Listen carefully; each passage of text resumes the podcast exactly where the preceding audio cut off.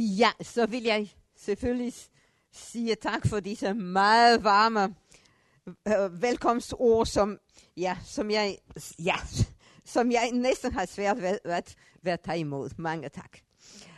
Ja, så aftenens øh, emne er tilgivelse. Og min tilgang til tilgivelsen er eksistentiel. Jeg spørger, hvordan foregår tilegnelsen af tilgivelsen, og foregår den? Tilgivelsen, sådan tilgivel, tilgivelsen, sådan som den afspejler sig både i det liturgiske liv, men i særdeleshed i den enkelte og i fællesskabets liv. Jeg vil begynde med et litterært citat. Jeg bliver vækket af det skarpe lys i værelset. En form for nøjent, koldt og trist lys. Ja, i dag er det den store faste. De lyserøde gardiner med jæger og ender blev allerede fjernet, mens jeg sov. Derfor er det så tomt og trist på værelset. I dag er det skærmandag, eller ren mandag. Og overalt bliver det gjort rent i huset. Det er gråt tøvær. Det drypper ved vinduet, som om nogen græder. Glæden forsvandt.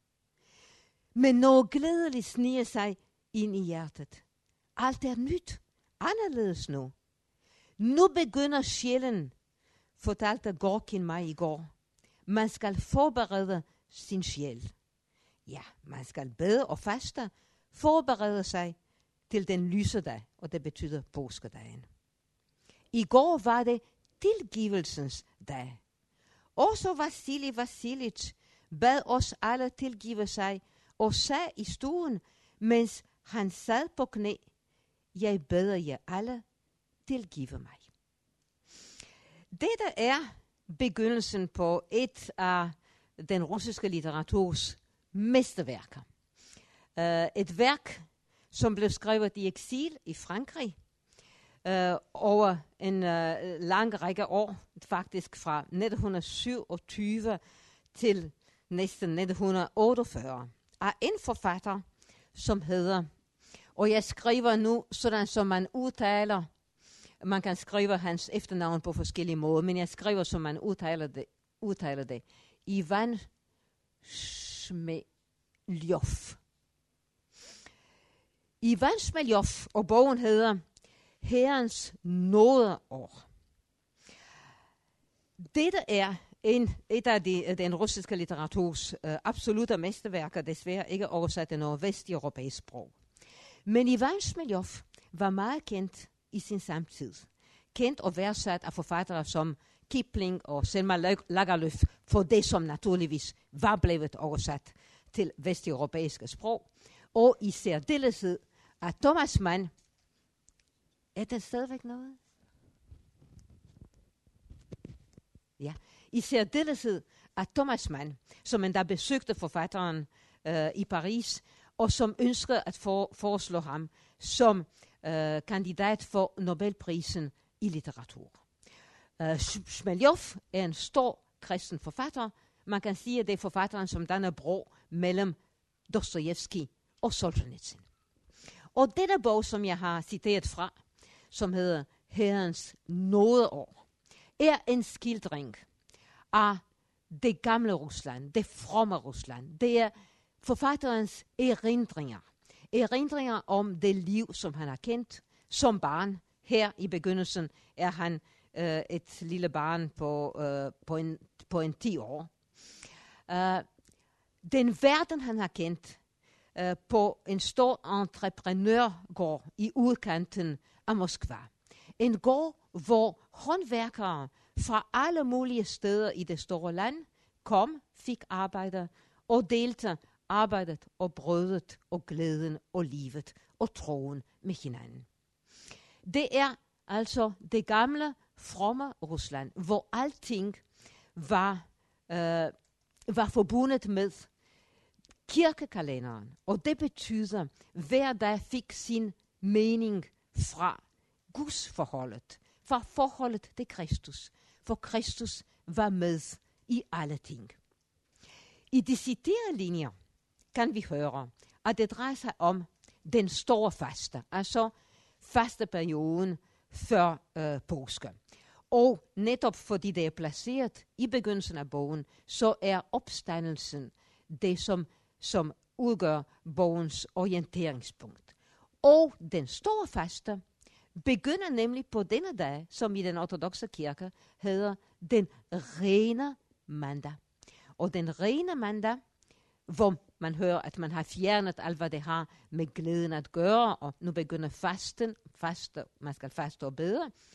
Den rene mandag blev introduceret af den søndag, som hedder tilgivelsens søndag. Det andet navn, som denne søndag har i øh, kirkekalenderen, er Adams udvisning fra paradiset. Og meningen med det er, at man samler sig ved Kristi fods, som de angrende mennesker, der beder om tilgivelse. De mm, angrende mennesker, som råber om hjælp. Og ritualet indeholder også det, som vi har set, at man beder hinanden om tilgivelse for sine sønner, som denne Vasili Vasilic, som falder på knæ i stuen og siger, tilgiv mig, mine brødre. Så man begynder med tilgivelsen, samtidig med, at det er en forberedelse til den tilgivelse, som kommer ind i møde gennem Kristi kors. Nu begynder tilgivelsen. Altså, eller man forbereder sig til tilgivelsen. Derved forbereder man sig til helbredelse. Og hvad er det der bliver helbredt? Man kunne sige, som russerne vil sige, det er menneskets sjæl. Og man kunne sige, det er tilgivelse er mennesket i det relationelle dimension. Og det er næsten en pleonasme, fordi mennesket er relation. Men det, det at fællesskabet indgår i definitionen på mennesket. At være menneske over for Gud, og at være menneske over for de andre. Og det er det, tilgivelsen gør. Helbreder mennesket. Gør mennesket igen relationelt. Sætter det i fællesskab med Gud og med næsten. Den store øh, russiske øh, teolog Alexander Schmemann, og nu skriver jeg, hvordan, hvordan man staver officielt Alexander Schmemann, skriver i forbindelse med tilgivelsens søndag. Søndens sejr. Det væsentligste tegn på, at sønnen regerer i verden, er splittelse, en sætten sig imod, adskillelse, had. Den første åbning i søndens fæstningsmur er derfor tilgivelsen. En tilbagevenden til enhed, solidaritet, kærlighed. At tilgive er at sætte Guds egen tilgivelse mellem mig og min fjende.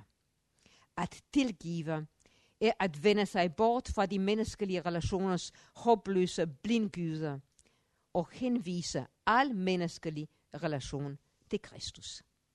Og jeg vil sige, at dette, at sætte Guds tilgivelse mellem mig og min næste, mellem mig og min fjende, altså korsets tilstedeværelse imellem os, det er en af de absolut bedste definitioner på tilgivelsen.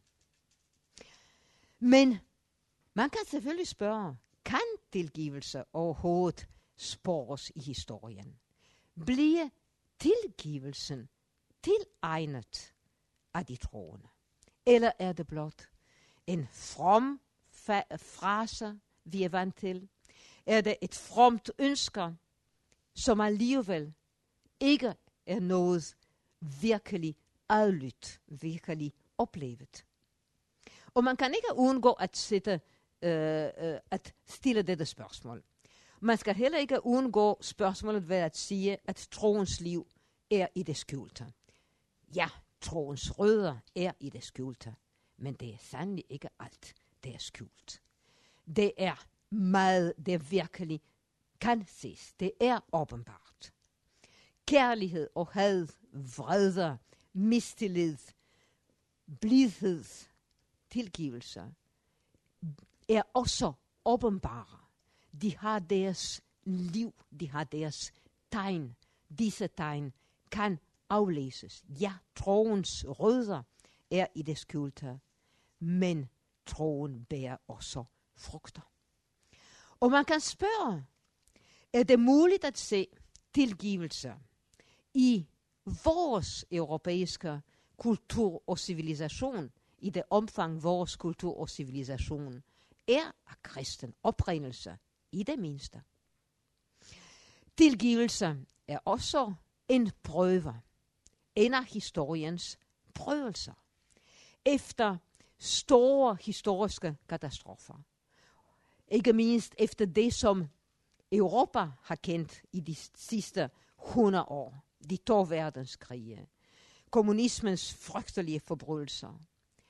Kan man efter disse katastrofer se tegn på en tilgivelsens ånd?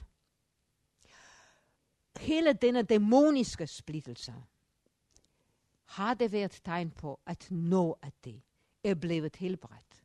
At en bro er blevet kastet, således at den kan forbinde mennesker. Forbinde efter krigen. Forbinde efter kommunismens ulykke, som har været 70 år, og som har betydet forfølgelsen af kirken, men ikke kun det. Det har betydet en uafbrudt borgerkrig. Ikke bare krigen klasse imellem, men mellem brødre, mellem naboer, og det har også betydet krig mellem forskellige folkeslag. Når vi ser på den aktuelle europæiske uh, verden, er det netop nogle modsatte tegn, man kan se. Tegn på det modsatte af tilgivelsen, som indgår i en form for moderne ideologi. Den ene af dem er en kulpabilisering, altså en permanent skyldiggørelse, en håbløs skyld og skampåtagelse, som er en karikatur af den kristne anger. Intet er lettere end at give udtryk for en offentlig anger. Den er en del af den politiske diskurs. Det er en del af den politiske korrekthed. Det er ikke grænser for, hvad man officielt kan angre. Kapitalismen, imperialismen, kolonialismen, inkvisitionen, øh, korstogene, alt kan angres. Af hvem og på vis vegne. Dette er ikke, i min opfattelse, uh, en afspejling af den kristne forståelse af skyld og anger. Snarere en fortsættelse af den marxistiske ideologi med ideen om den objektive klasseskyld. Der findes nogle abstraktioner, nogle kategorier mennesker, som per definition er objektivt skyldige, uanset hvad de så personligt har gjort. Man angrer her alt mellem himmel og jord. Både reelle og indbildte misgerninger. Man angrer ting, man personligt ikke har nogen skyld for. Og man angrer selvfølgelig selektivt. I den store officielle anger efter for eksempel 2. verdenskrig vil man sjældent nævne bombardementet af Dresden. Den indgår ikke i den officielle anger. Det ville, det ville være en, den, den anger, som ikke er helt politisk korrekt. Allerede i 1948 var den franske forfatter Albert Camus, som vi husker, klar over, at en ny løgnagtig og destruktiv skyldideologi var ved at opstå i Vesten.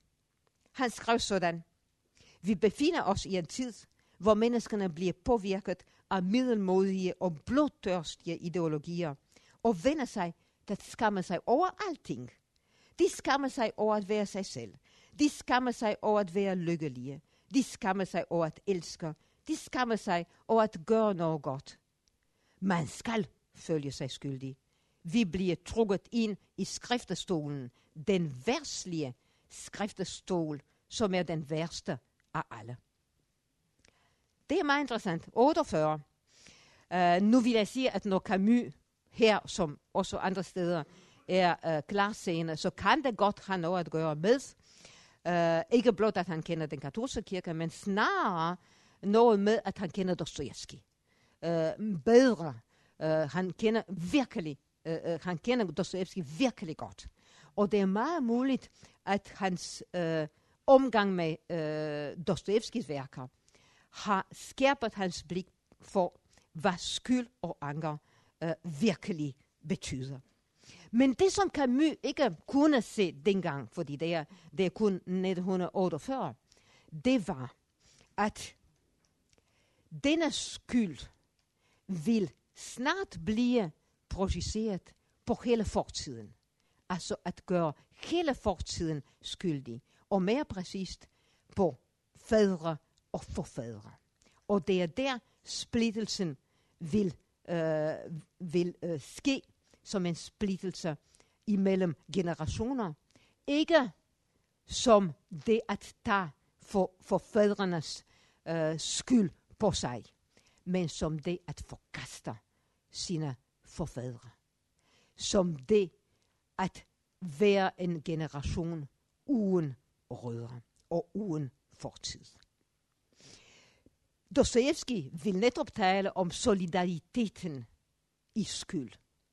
Men han vil tale der, hvor det som binder menneskene igennem, er at tage hinandens byrder og bære den på sig. Og Dostojevskis udtryk var, tag og gør dig selv medansvarlig for alle menneskernes skyld. Ikke før du gør dig oprigtigt ansvarlig for alt, ser du, at du virkelig er skyldig for alt og for alle. For, for alle og for alt. Men det, som sker i den, i den nye ideologi, er tværtimod at kaste al skyld på de forrige generationer, og således på en mærkværdig måde at stå frem som den rene. Øh, solzhenitsyn kaldte det at overdænke sit folk med skældsord og bagvaskelse og træde sit folk under fod.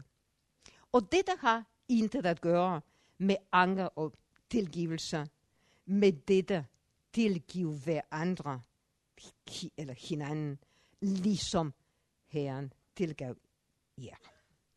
I stedet for, at denne anger munder ud i tilgivelse, og altså danne bånd, munder den falske anger kun i splittelse.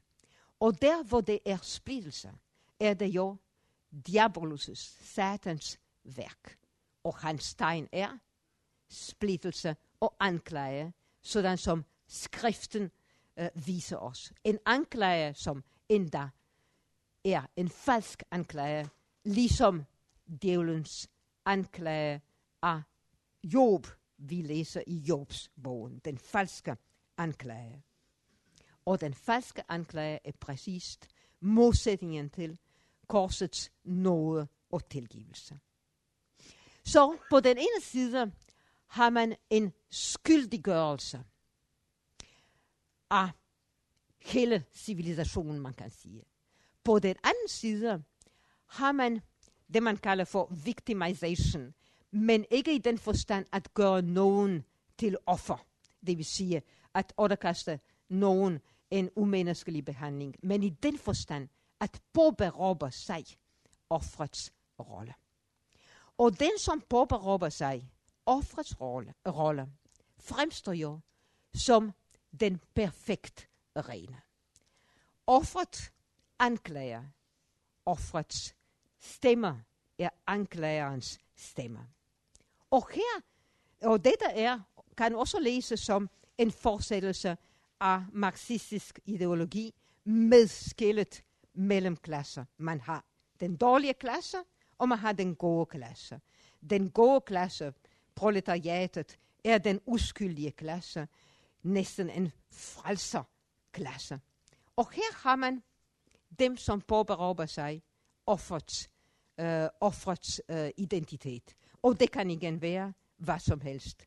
Kvinder, homoseksuelle, ikke-europæere, alle som, som kan sige, har været, eller vis forfædre har været ofre for diskrimination. Så kommer den lange kæde af beskyldninger og klager. Og offret, i det øjeblik man påberåber sig offrets rolle, sker der en moralsk kortslutning. Offret og den, som bliver anklaget, har intet til fælles. De er lige så forskellige fra hinanden, som to dyrarter, kan man sige. De har intet fælles sprog og intet til den, som er offer. Er uden skyld, og derved også er uden ansvar. Disse er altså to ideologier, som hænger sammen i vores tid, og begge to er fuldstændig fremmede for hvad den sande anger og den sande tilgivelse betyder. Den sande anger er ikke dyrkelse af skam og skyld. Det er ikke skyldiggørelse af ens forfædre. Den, og offret, her er det jo et stort spørgsmål. Offret kan også være den, som tager noget på sig i den, i den offrede Kristus' spor. Under alle omstændigheder, anger og tilgivelse vil i første omgang har med personerne at gøre, og ikke med abstraktioner. Egentlig kan man kun angre det, man selv har gjort, og man kan kun tilgive i et ansigt til ansigt. Men hvad er tilgivelsen egentlig? Det er et spørgsmål, som man kan besvare på mange måder. Man kan også besvare det eksistentielt. Og nogle af de fineste refleksioner om tilgivelse, som refleksioner, eksistentielle refleksioner, jeg har læst, er skrevet af en, frans, en, ja, en fransk skrivende filosof, som hedder Vladimir Jean Kelevich.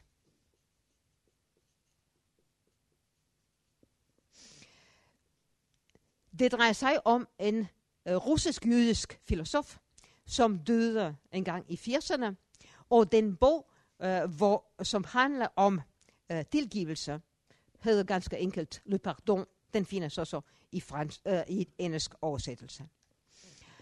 Og Jean Kelevich gør opmærksom på, at man er fristet til at forveksle tilgivelse med nogle andre ting, som faktisk ikke er tilgivelse, snarere er modsætningen til tilgivelse.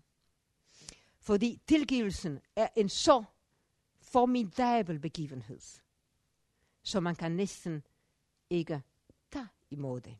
Men så findes det nogle udveje, hvor man erstat, erstatter tilgivelsen med noget fremmed. En af dem er glemslen. Og man, man kender det, uh, det, al, det øh, gængse udtryk, at glemme er at tilgive. Så spørger han, er det rigtigt? Er glemslen det samme som tilgivelse? Og han gør meget, han tænker meget, meget konkret og meget, meget korrekt eksistentielt. Hvad er glemslen? Glemslen er bare tidens magt. Tidens slitage. Den ene dag efterfølges af den anden. Vi har nutiden, vi har fremtiden. Fremtiden kommer, kommer i møder, os i møder, og skubber fortiden længere og længere væk fra os. Sådan er tiden. Tiden, i tiden, med tiden, begynder erindringerne at blive vage. Uh, øh, kontorerne mister deres tydelighed. de store lidenskaber mildnes. Han bruger et meget smukt og meget rigtigt udtryk. Han siger, tiden er det kraftigste bedøvelsesmiddel, der overhovedet findes. Men så siger han, men det der har intet med moral at gøre. Det har ikke spor med tilgivelse at gøre. Hvad tiden gør ved os, det er bare en naturlov. Moralen, det vil sige at skille mellem godt og ondt, at, øh, at leve under ansvar. Tiden øh, er øh, noget fuldstændig fremmed i forhold til, hvad tiden gør. Tiden er en naturlov, og det er alt. I denne forstand, hele tiden alle så. Sådan er det bare. Og i virkeligheden kan tiden ikke hele alle så. Men tiden kan en ting lægge en dæmper på vores sår. Sådan at vores ressentiment stadig fortsætter, men i dæmpet form. Og så vil han sige nej.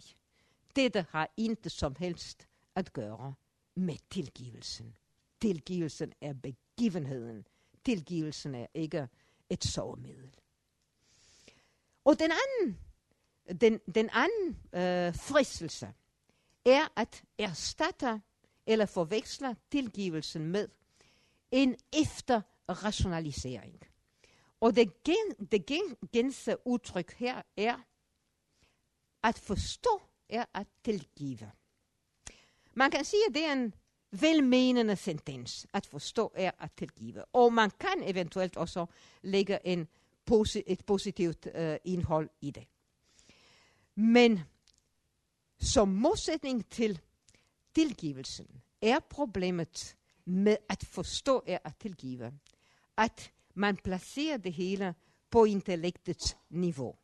Altså, man gør det onde til et intellektuelt spørgsmål, som forstanden kan løse. Og det er meget optimistisk, fordi optimistisk betyder ikke, at det også er rigtigt. Uh, det er meget optimistisk, fordi en sådan tankegang siger, ah, det onde er bare et spørgsmål om viden og forståelse. Man kan forstå det, og derfor kan man løse det. Og i virkeligheden er det, er det også det, som øh, oldtidens filosofi, nu siger jeg det meget hurtigt, øh, har sagt, ved at gøre det ondes problem til simpelthen et intellektuelt problem, som forstanden kan have magt over. Og denne tankegang har selvfølgelig fortsat med oplysningstiden, og fortsætter også indtil øh, i dag, øh, ikke mindst i opdragelsesteorier. Øh, altså, det under er et spørgsmål om, få lidt viden, få lidt oplysning, det under kan kureres ved mere oplysning eller den rigtige behandling. Og med der er vi selvfølgelig uden for kristendommens rammer. Fordi så taler vi ikke om synd. Vi taler ikke om det onde, som ligger i min vilje. Men vi taler om et problem, som vi med lidt god forstand og god vilje selvfølgelig kan løse. Og det vil jo betyde, at Kristus eventuelt er, har været en, en god lærer, som er kommet for at øh, lære menneskene, hvordan de skal forholde sig til det onde, men det er ikke plads for Kristus som frelseren. Det vil sige, frelseren, som frelser os fra den knusende vægt af synd, fra det onde, som det som det uløselige under, som vi ikke kan frelse os fra. Og i denne forstand siger Jean Kelevich, og jeg vil sige, at han har fuldstændig ret, at i det øjeblik, man siger, at forstå er at tilgive, så har man forladt tilgivelsens, øh, til, tilgivelsens område. Fordi har man forstået alting, så er det ikke plads for tilgivelse. Tilgivelsen har, øh, er noget overflødigt, overflødigt det, man, det man har forstået, behøver man jo ikke at tilgive. Og hele pointen med tilgivelsen er, at det er netop det, det, det som vi ikke kan forstå, der bliver tilgivet, og som skal tilgives. Men lad os lige eksistentielt spørge nu, hvad har for eksempel Østeuropa lært, ja, i denne forstand kan jeg godt bruge ordet, lært efter årtier og årtier af frygtelig kommunisme. Og hvad er det foregået i Østlandene i de 25 år siden kommunismens fald? Kan man spore, bare spore, en tilgivelsens ånd i Østeuropa efter den lidelse, som er blevet oplevet. Og det første må man sige, er, hvis jeg skal forbinde det med, med hvad jeg sagde før, det første, man, man skal tænke på, er, at man kan kun tilgive det, man ikke har glemt. Ellers er det ikke nogen tilgivelse. Så det, det første, eller et af de første imperativer for Østeuropa har været, at bjerge erindringen. At bjerge den forbudte erindring. Fordi selve bevidstheden om, hvad vi har oplevet i Østeuropa, har været forbudt. Altså, man har aldrig kunnet skrive om det der virkelig, om det der virkelig fandt sted hos os. Men nu er vi 25 år efter kommunismens fald, og det er nu, det er stadigvæk nu, det er aktuelt at sætte ord på, hvad vi har oplevet, millioner af mennesker har oplevet. Og at bjergerindringen er i sig selv, er i sig selv en næsten ja, heroisk åndelig gerning. Fordi tidens lov er imod os. Tiden bringer glemsel. Og at bjerge erindringen, at holde fast i erindringen, det er åndens kamp mod dødens magt. Det er en menneskelig gerning par, excellence. Jeg vil ikke omtale her om de forskellige kræfter, som har været, som stad, og stadig er imod dette at bjerge erindringen. Men jeg vil sige, det, har, det, det, det, det, det man har opnået indtil nu, uh, er blevet opnået uh, takket være privat, private initiativer og med en meget stor anstrengelse. En hver, et hvert sandt vidnesbyrd fra de overlevende, man har kunnet bjerge, har været en sejr i denne forstand. Og det er, det har været og stadig er en, en, et meget stor anstrengelse på at genfinde den nationale, sin nationale hukommelse. Og det drejer sig om alt mellem samlinger af vidnesbyrd, dokumentarfilm, kunstneriske film, øhm, samlinger øh, af tekster, øh, forskningsinstitutter, og nogle af dem fungerer endda på, på privat øh, basis. Øh, forskning også, den, den, den ja, øh, jeg kender øh, blandt andet de historikere, som med arkeologiske midler øh, prøver at finde øh, de svundnes graver, det vil sige de steder, hvor ukendte mennesker, øh, som for eksempel blev henrettet, blev begravet. Altså alt det indgår jo i en meget stor anstrengelse for at bjerge øh, erindringen. Og denne erindring, altså det der bliver bjerget, er jo ikke blot en erindring om lidelsen. Det er mere end det og noget andet. Det er kærligheden, der bliver bjerget. Har man for eksempel besøgt Gulag-museet i Moskva, eller Kommunismens Museum i Rumænien. Uh, den Rumæ- det rumænske museum er det, er det største museum om kommunismen i hele uh, Østeuropa. Eller de små museer ved klostrene. Så er det kærligheden, der kommer ind i møde. Med kærlige hænder har de fanger, som har eksisteret engang, måske skrevet en bøn på et stykke stof, og skrevet med brombærsaft med en improviseret pen. Med kærlige hænder har de gjort det. Med kærlige hænder har andre mennesker bevaret, skjult, måske en, en slidt sko fra en fanger, et stykke stof eller en lap papir med en bøn eller med en digt. Og disse ting kan man i dag se i montrene på disse museer.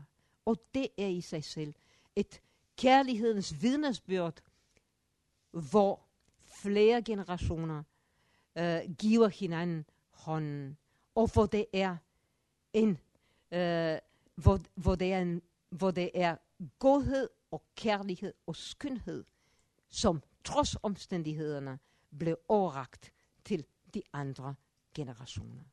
Dette er en, øh, øh, en del af erindringen. Og man må spørge, selvfølgelig, når erindringen er blevet bjerget, hvordan kan de nu levende forholde sig til det? Hvad er det? Hvad er ens reaktion? Hvad er den moralske reaktion? Og det er ikke så let at sige, at ja, den umiddelbare reaktion er tilgivelsen. Den første reaktion er et råb om retfærdighed. Det er det første. En, et råb om retfærdighed. Ikke så meget for en selv, men snarere som, som en af mine øh, venner, som, som var politisk fanger, havde sagt, retfærdighed for mine dyder. Og dette er et, øh, et meget, meget alvorligt øh, moralsk øh, spørgsmål, fordi tilgivelsen er et imperativ. Altid i imperativ. Den kan kun bøjes i imperativ. Men den ortodoxe katekismus i hvert fald, som øh, mine forældre øh, blev undervist efter, specificerer, at tilgivelsen er et absolut. Når du er det mennesker, der har lidt. Du er, du er forpligtet. Du skal tilgive den, som er din skyldner. Men hvad så med min næste? Min næste, som er blevet trådt under foder. Min næste, som er blevet dræbt. Så vil, så siger man, det første, det første, man må gøre for den næste, er at kræve retfærdighed for ham. Du kan ikke sætte din næstes liv og død i parentes. Det er i hvert fald et af de svar, som kan gives. Og dette har givet anledning, og jeg vil sige, den, den, første, øh, den første reaktion kan jeg ikke betegne øh, som anderledes end korrekt, og i hvert fald uundgåelig. Den første reaktion har været urensningsprocesserne i Østeuropa. Og man kan sige, ja, det har været øh, et råb om retfærdighed. Og det betyder en eller anden form for straf for mennesker, som har været mest skyldige i systemets forbrydelser. Og urensningslove og processer har fundet sted i stort set øh, alle øh, østeuropæiske lande, med undtagelse af Rusland. Uh, og eh, uh, lovene begyndte at blive, at blive uh, vedtaget uh, næsten uh, lige med det samme efter kommunismens uh, fald. De har været, lovene har været lidt forskellige, reglerne har været forskellige, uh, og man har haft et langt, uh, et stort spektrum. Uh, nogle af de mest repressive love har været uh, i Tjekkiet, uh, love som uh, ramte børn af kommunister, familier som kollektiv skyld, og i nogle baltiske lande, hvor øh, især Litauen, Litauen især, hvor børn af russere, som kom, eller børnebørn af russere, som kom efter 1940, ikke automatisk kan få statsborgerskab. Uh, det har været et meget stort spektrum, og det interessante er, at alle disse processer, det findes ikke uh, uh, undtagelser, er løbet ud i sandet og har givet de dårligst tænkelige resultater. Af flere grunde. Øh, det ene har været juridisk og moralsk, og på linje med retsopgøret i Vesten. Hvordan kan man dømme mennesker uden en lov? Altså rettens fundament er, man kan ikke straffe uden en på forhånd eksisterende lov. Det er rettens fundament.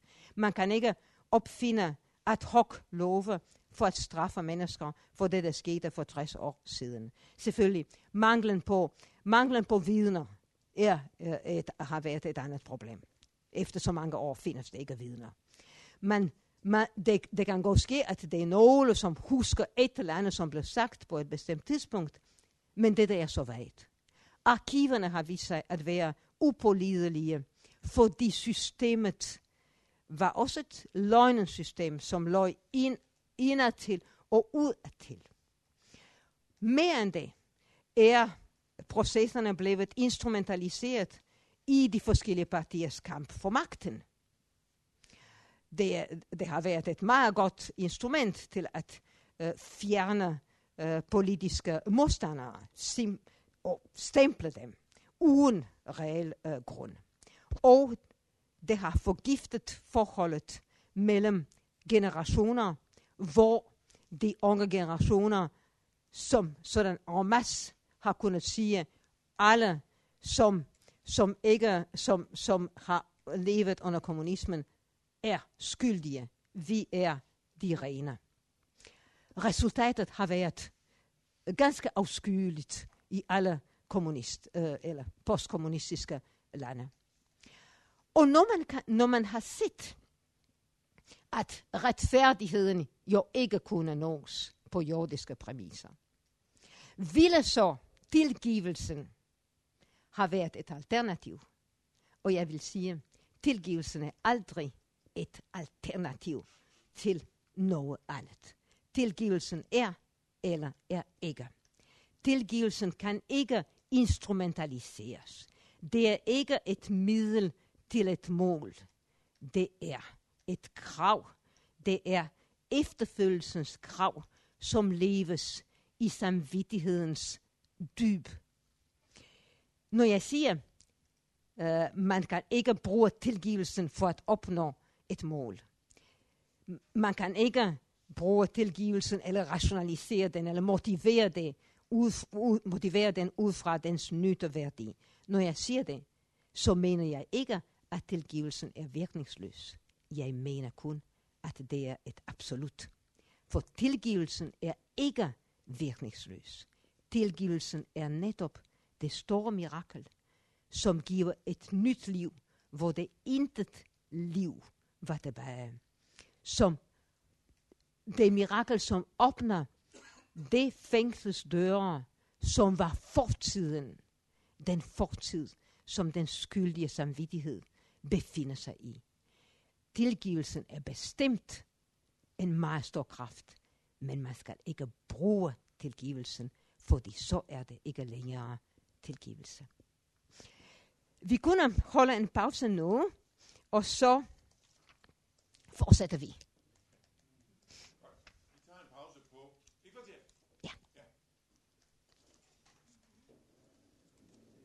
erfaring.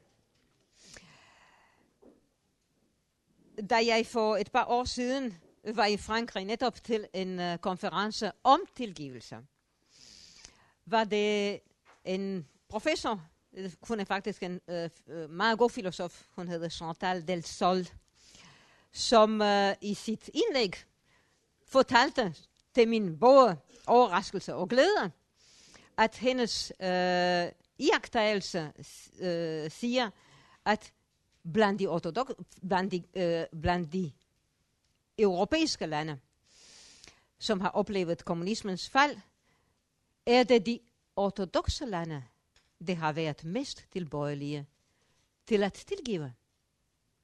Uh, og det uh, naturligvis interesserede mig, fordi det, det, det var også min fornemmelse. Men det er selvfølgelig altid meget svært at, at, at tale generelt. Det vil altid være. Man kan ikke tage en statistik på, på tilgivelser. Og man kan også øh, være subjektiv, når man selv kommer fra et østeuropæisk land og fra et ortodox land. Men det er også mit indtryk, at det er i de ortodoxe lande, man snarere vil kunne spore en vis tilgivelses, tilgivelsens ånd. I hvert fald er det sådan, at der har været en generel modvilje mod urensningsprocesser øh, i Rumænien. Og det er ikke fordi øh, man ønskede at skjule sin egen fortid. Man har endda haft officielt sandhedskommissioner. Det har været en modvilje mod, at bestemte mennesker bliver gjort til syndebukke. En modvilje mod, at den ene uretfærdighed blev erstattet med en nye. Men også en modvilje mod at kalde sig selv for ofre. Og det er noget, jeg har faktisk hørt fra, fra øh, min øh, families øh, nærmeste venner, som havde øh, tilbragt meget, meget lang, lange, mange og lange år i arbejdslejre og fængsler. De sagde, I skal ikke kalde os for ofre. Vi var ikke ofre. Vi var modstandsmænd og kvinder. Og det er en, en bestemt måde jo at tage, øh, tage den lidelse på sig med en helt andet ansvar og værdighed. I stedet for at sige, vi var ofre, vi var modstands, modstandsfolk. Den anden variant, som jeg har, jeg har hørt, har været, og det, går, og det er også fjernt fra offermentaliteten, øh, vi har haft den ære at få lov til at lide for vores folk. Og dette er igen en meget værdig måde at tage øh, øh, imod lidelsens på. Og hele denne atmosfære af modvilje mod nye syndebukker. denne modvilje mod offermentaliteten, modviljen mod at sige, at det er altid de andre, der er skyldige. En vis erkendelse om, at vi alle og enhver af os har været bærer en del af skylden for, hvad der skete. Det har i hvert fald øh, resulteret i, at den normale reaktion, den som man også kan møde på gaden, når man stiller spørgsmål, er, lad Gud dømme dem. Kan, kun Gud kan dømme os og de andre. Og det er meget muligt, at dette har noget at gøre med en måske specifik øh, ortodox øh, mentalitet, hvor vægten falder på kærligheden, kærlighedens offergærning, korset som kærlighedens offergærning. Det er muligt. Det er kun, det er selvfølgelig en hypotese. Uh, man kan også se det, hvis man tænker på for eksempel den russiske uh, kirkes historie. De allerførste, uh, eller den første begivenhed, der sker efter øh, 988, det vil sige de russiske landes øh, kristning og fyrst Vladimir. Det, øh, det første, der sker, er historien om de to unge, unge fyrster, Boris, Boris, Boris og Gleb. Døde 1015. Det er historien om fyrst Vladimirs yngste sønner, øh, som mister livet fordi deres ældre øh, bror øh, ønsker at overtage hele magten. Og i stedet for, altså det er efter fyrst Vladimirs død, og i stedet for at tage våben i hænderne, i stedet for at indkalde deres øh, enheder, deres soldater, lader de sig dræbe, for at de ikke skal kaste landet i borgerkrig. Og øh, en af kronikerne øh, har bevaret Boris' ord til sine, til sine mordere. Brødre, kom hid og gør, hvad I skal gøre. Fred være med min bror, som har, som har sendt jer, og med jer. Dette er et tilgivelsesord. Og det er klart, at, det, at når Boris og Gleb er de første i den russiske kirkes kalender, og de første martyrer, så er det fordi de lever i, sådan som man forstod, efterfølgelse af Kristus. De lader sig dræbe, de tager døden på sig af kærlighed til de andre, altså lad os sige det folket, men også i tilgivelsens ånd. En tilgivelse, som de siger verbalt i det øjeblik, øh, de vil blive dræbt. Og man kan selvfølgelig spørge, ja, det er jo gået tusind år, og I denne periode har selvfølgelig de, har de russiske lande oplevet så meget, ikke mindst de 70 års øh, forfølgelser, med den permanente øh, indoktrinering med slagord, der findes inden Gud, og jeg vil vende tilbage til forfølgelsen lidt efter, men jeg vil understrege, at den her indoktrinering, ateismen var jo obligatorisk fag i skolen, det var det også i min tid i skolen. Man havde ateisme på programmet i pensumet øh, hver, øh, hver eneste uge i skolen. Men det interessante er, at efter tusind år, og med alt hvad, det, alt hvad som i hvert fald Rusland har oplevet, så kan man stadig finde en tilgivelsesånd, som næsten, som, som har indbrændt sig i folkeånden, men også ganske bevist i bestemte begivenheder og tegn. Uh, jeg undersøgte forleden, uh, forleden uh, de russiske gymnasiers pensum, og uh, emnet for, emnet for en af deres frie stile er tilgivelse. Man kan læse tilgivelsestilene på, på internettet, hvor øh, disse gymnasieelever øh, selvfølgelig også bruger noget skøn litteratur, men sagen er, de skal skrive om tilgivelse. Jeg vil give et andet eksempel, og denne gang er det også offic- lidt officielt, ligesom det der med gymnasiepensumet. Øh, uh, jeg vil ikke uh, tale politik, men jeg vil give uh, disse eksempler. I forbindelse med 9. maj 2015, øh, øh, sejrens dag, altså mindet om 2. verdenskrig, skrev Vladimir Putin uh, en artikel, og jeg vil sige, efter hvad jeg har læst, skrevet af, af ham, og i de interviews, jeg har, jeg har hørt, de levende interviews, vil jeg sige, det ligner hans stil. Det, det gør det.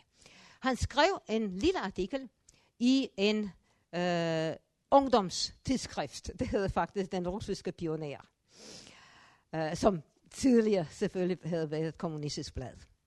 Men pointen er, at hvis man havde øh, forventet en selvretfærdig fortælling om, Rus, øh, om 2. verdenskrig, vendt imod tyskerne, så er det absolut ikke det, man finder i den artikel. Putin fortæller ganske stilfærdigt om, hvordan hans forældre oplevede 2. verdenskrig. Faren kæmpede bag fjendens øh, linjer, blev øh, såret og invalideret. Han, han blev invalideret øh, for livet. Moren forblev i Leningrad, oplevede Leningrad-blokaden, mistede familiens eneste søn. Vladimir blev født først i 52. Hun blev så syg, at hun blev kastet ind i en bunker lige. Og så skete det, ja, et mirakel, man vil sige Guds hånd. Faren kom fra øh, hospitalet. Da han nærmede sig huset, så han denne bunke af lig, som var blevet samlet for at blive transporteret til gravpladsen. Og da han kiggede, så han sin egen kone, rådte ved hende. Hun var stadig levende. Trak hende ud, bragte hende op i huset, passede hende, og hun kom tilbage til livet. Men det mest interessante er afslutningen på hans artikel. Der fandtes ikke nogen familie, der blev skånet for døden, og som ikke oplevede så ulykker, tragedier. Men hos mine forældre fandtes det ikke had til fjenden. Det var forunderligt. Selv i dag kan jeg, for at være helt ærlig, ikke forstå dette bunds. Min mor var et meget venligt og mildt menneske. Hun plejer at sige, hvordan kan man da have disse soldater, altså tyskerne? De var simple mennesker, og de døde også under krigen. Det, der slår mig. Vi var vokset op med sovjetiske bøger og film, og vi havde lært at hade. Men anden, med en eller anden grund fandtes det ikke had i hende. Hendes ord brændte sig i min hukommelse. Hvad kan man have imod dem? De sled i det, ligesom vi gjorde. De var bare blevet sendt til fronten. Disse ord har jeg husket siden min barndom. Og man kan sige, ja, man kan sige, okay, er det et stykke propaganda? Det vil jeg ikke sige det er, men okay, det er et stykke propaganda. Men hvad ønsker man at opnå med det stykke propaganda? Man ønsker at sige, at tilgivelsen er vigtig. Og jeg vil tro, at, at denne fortælling er ægte, og at han simpelthen fortæller om sin mor, som var en del af, af folkesjælen, og denne folkesjæl havde bevaret tilgivelsen, trods alt, hvad der var foregået i landet. Og så vil jeg nævne den, den, øh, den anden detalje, som jeg nævnte for, for Asger, og som også kan forekomme øh, pussy. Um, øhm, I oktober sidste år øh, åbnede, åbnede russerne på det sted, det store område, hvor Stalingrad-slaget fandt sted, altså 42-43, det horrible øh, Stal Stalingrad. En særlig kirkegård for rumænerne.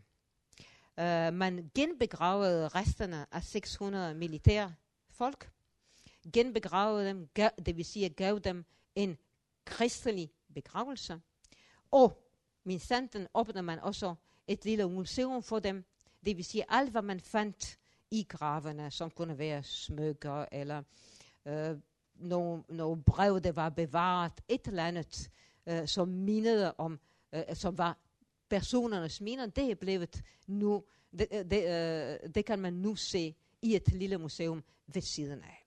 Og hvorfor er det så russerne, og det var russerne for mig?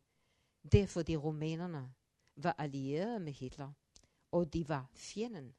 De havde angrebet Sovjetunionen. Hvorfor og hvilke historiske omstændigheder det var, det er fuldstændig ligegyldigt. Sagen er, de var fjenden.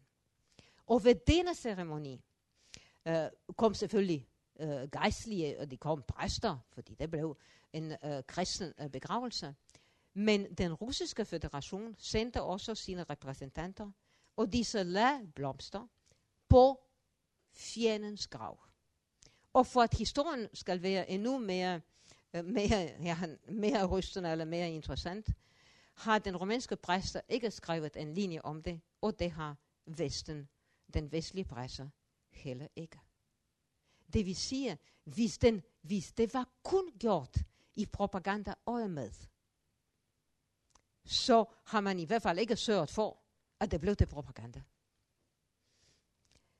Men så, jeg som, øh, som, ja, som, som, et, ja, som et medlem af, mi, af mit eget folk, blev i virkeligheden dybt berørt af denne nyhed. Virkelig, virkelig berørt. Jeg så det som en forsoning ved korsets fod. Og denne forsoning, denne tilgivelse, vil man jo også se, vil man også finde i den måde, de kristne har taget imod forfølgelserne, især, altså i alle lande, men især i Sovjetunionen, fordi det er der forfølgelserne var længst, og det er der de allerfleste kristne døde under kommunismen. Man siger i dag, efter at de nye, efter at arkiverne er blevet øh, åbnet, at antallet af øh, kristne øh, gejstlige og troende i Sovjetunionen, som døde på grund af forfølgelserne, ligger mellem en halv million og en million. Alene i perioden 37-38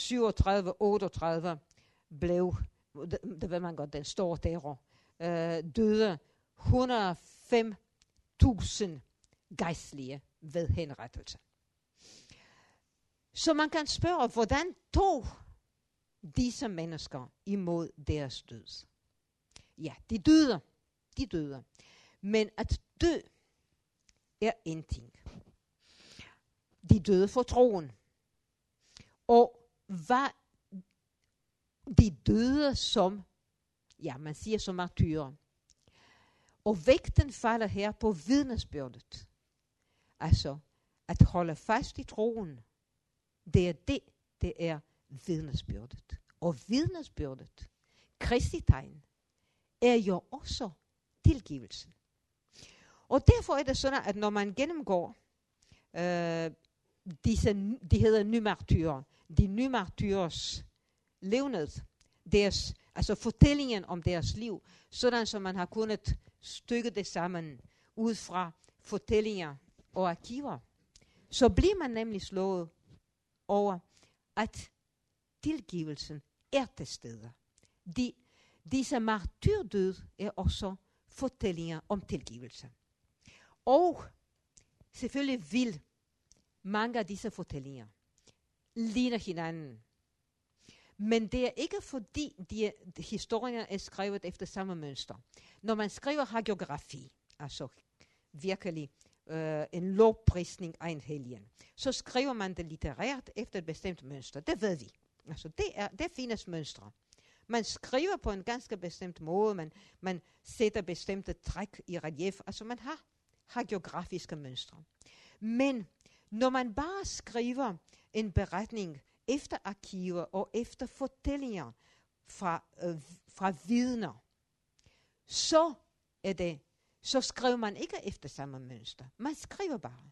Og alligevel ligner historierne hinanden af den grund, at det drejer sig om mennesker, som har hørt det samme bud, og dette bud var tilgivelsen. Og jeg skal kun give øh, to øh, korte eksempler på tilgivelser fra de russiske øh, nymartyrer. Øh, som sagt har man i alle øst, eller næsten alle østeuropæiske lande, øh, helikort øh, martyrer, trosbekendere, og det noget, der hedder lidelsesbærende. Lidelsesbærende. Forskellige former for... Øh, ja, og at helikore, det betyder simpelthen at bevare erindringen, først og fremmest. Nå, så jeg vil give to eksempler. Uh, det ene er uh, biskop Nicodemus' død. Uh, det er fra julen 1918. Uh, han var uh, biskop i en by, som hed uh, Biel Bielgrad. Uh, øh, er den by uh, tæt ved uh, grænsen til uh, Ukraine. Han var altså uh, biskop der. Han blev arresteret anden juledag under messen, og han endte med at blive skudt på Stefanus øh, dagen. Historien er sådan, at øh, da, øh, da han befandt sig foran øh, henrettelsespelotonen, velsignede biskop Nicodemus kommissærerne og soldaterne. Og det gjorde så stærkt et indtryk på dem, at de nægtede at skyde ham. Så blev han ført til en anden kaserne, hvor han ikke fik lov til at tale, og så blev han skudt. Dette er en tilgivelseshistorie. Han velsignede sine, sine øh, mordere. Den anden historie er biskop Vladimir. Biskop, biskop Vladimir fra, fra Kiev, og historien er også fra 1918.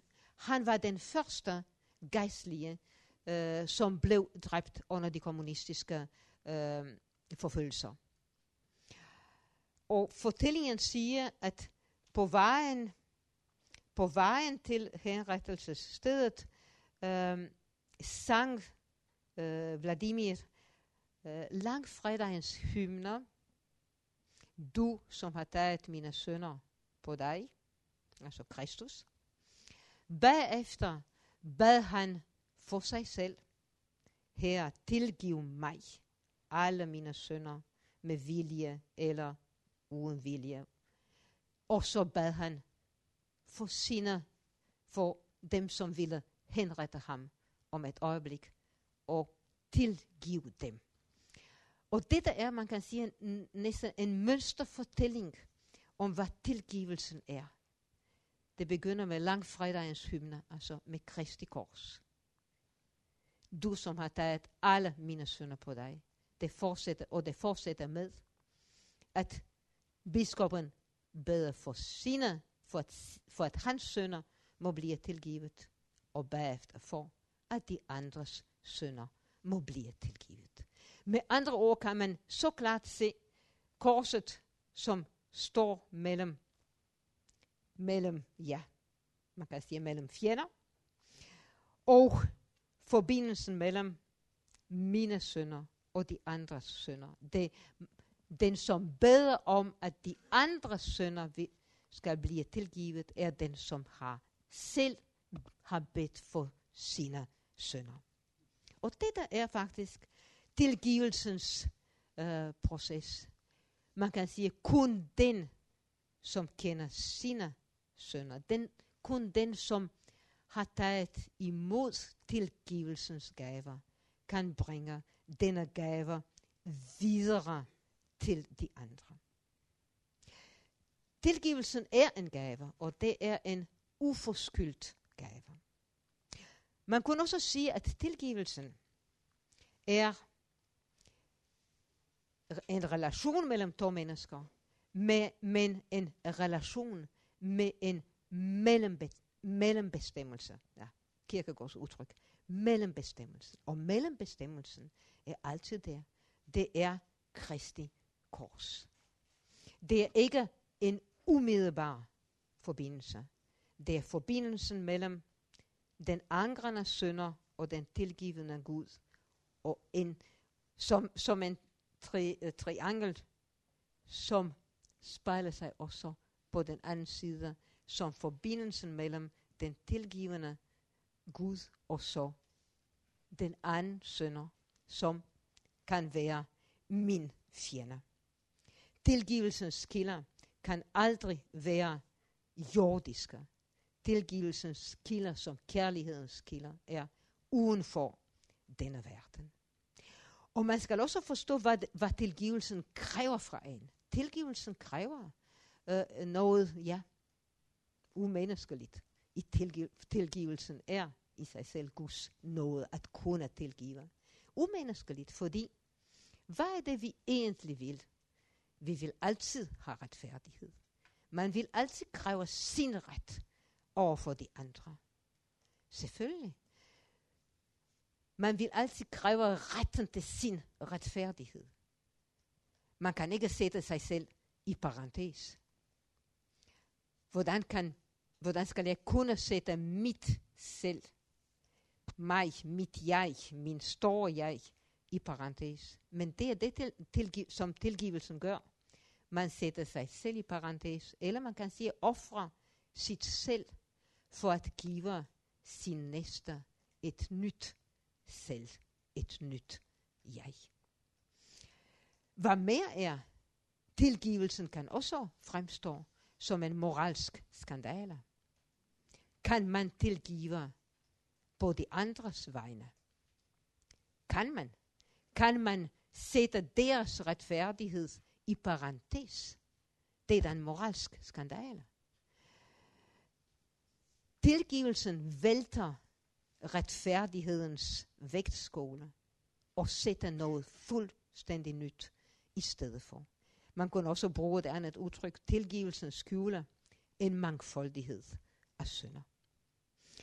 Det findes, og det vil jeg kun sige mig, øhm, omtale mig, meget, meget, bare nævne det. Det findes faktisk en russisk bog, som i allerhøjeste grad taler om tilgivelse. Det er Dostojevskis Idioten. Uh, og jeg siger bare det, jeg ved ikke om man husker, i Idioten er det den centrale scene, hvor uh, hovedpersonen, fyrst måske, som Dostojevski kaldte for, uh, fyrst Kristus, bliver angrebet med en kniv af sin ven, uh, Rogozin, Rogozin, som er, uh, som, som er skinsyg. Så uh, Muskin ser kniven i sin vens hånd, og i det øjeblik udbrød han, jeg tror det ikke. Det vil sige, han tror det, som han ser med sine egne øjne væk. Han bringer tilgivelsen som en skjold imellem sig selv og vennen Rogozin, men som en skjold, der skal forsvare den anden og ikke ham selv. Og så fortsætter romanen faktisk hele vejen igennem som en tilgivelsesroman. Øh, uh, Efter denne dramatiske uh, scene uh, siger uh, fyrsten uh, til sin ven, jeg husker intet af det, som er sket. Jeg husker kun den Rogozin, som er min ven, og med hvem jeg har forvekslet korsene. Uh, den russiske dobskors, det er den det, øh, man får en, et lille kors, når man bliver døbt, og man kan, øh, man kan veksle korset med en anden, så bliver man, så bliver man korsbrødre. Og dette er igen det samme billede mellem de to, som godt kunne have været fjender, men er det ikke. Er det Kristi kors, som gør dem til brødre, som danner broen imellem dem. Ja, måske har glemt alting om, om det, som han så, som om det ikke havde eksisteret. Og på den måde er at tilgive at glemme. At tro fortiden bort. Det har med, med tro at gøre. Men Kierkegaard vil sige, ja, alt er glemt, alt er slettet, tilgivelsen er total. Men det er en ting, du aldrig må glemme. Du må ikke glemme, at du er tilgivet. Det, det er ikke synden, du skal huske på, fordi den er tilgivet. Men du skal huske tilgivelsen. Og i det øjeblik, netop i det øjeblik, du husker tilgivelsen, så, altså Guds tilgivelse, så er synden slettet. Som øh, han siger mere præcist, hver gang du erindrer tilgivelsen, der er det glemt. Det vil sige, alt, alt din søn. Men når du glemmer tilgivelsen, der er det ikke glemt, og der er tilgivelsen forspildt. Og hele pointen er at forstå, at tilgivelsen er i, i vores ramme, som er den kristelige ramme, og som er den eneste mulige ramme for tilgivelsen. Tilgivelsen er den gave, som den ene sønner har fået, og som gave kan han jo række den og skal række den videre. Og denne tilgivelsen, altså tilegnelsen af tilgivelsen, er netop at tilgive de andre. Det er tilgivelsens to sider at blive tilgivet. Og virkelig at blive tilgivet er at bringe tilgivelsen videre. I denne forstand er tilgivelsen en målestok for Guds forholdet. Og jeg vil afslutte med øh, et øh, lille citat, eller øh, jeg, jeg gengiver det mest, øh, fra en smuk bog af en russisk øh, biskop, som man kender under navnet Anthony Bloom. Det er hans britiske øh, navn. Og bogen hedder Mennesket for Angud. I denne bog siger biskop Bloom, at på dommedagen får vi lov til at se os selv i Guds spejl. Og dette spejl er Kristus. Det er langfredagens spejl. På dommedagen vil enhver se sig selv i sit forhold til Kristus. Se, hvad han var kaldet til at være, men ikke blev. Altså, man vil se sig selv i sin afstand fra efterfølgelsesbudet. Og der fortsætter øh, biskopen, så vil man med hele sin, sit væsen tørste efter tilgivelsen og forstå tilgivelsen. Når man ser sig selv i sandhedens spejl, som er Kristus, kan man ikke længere forbande og dømme de andre.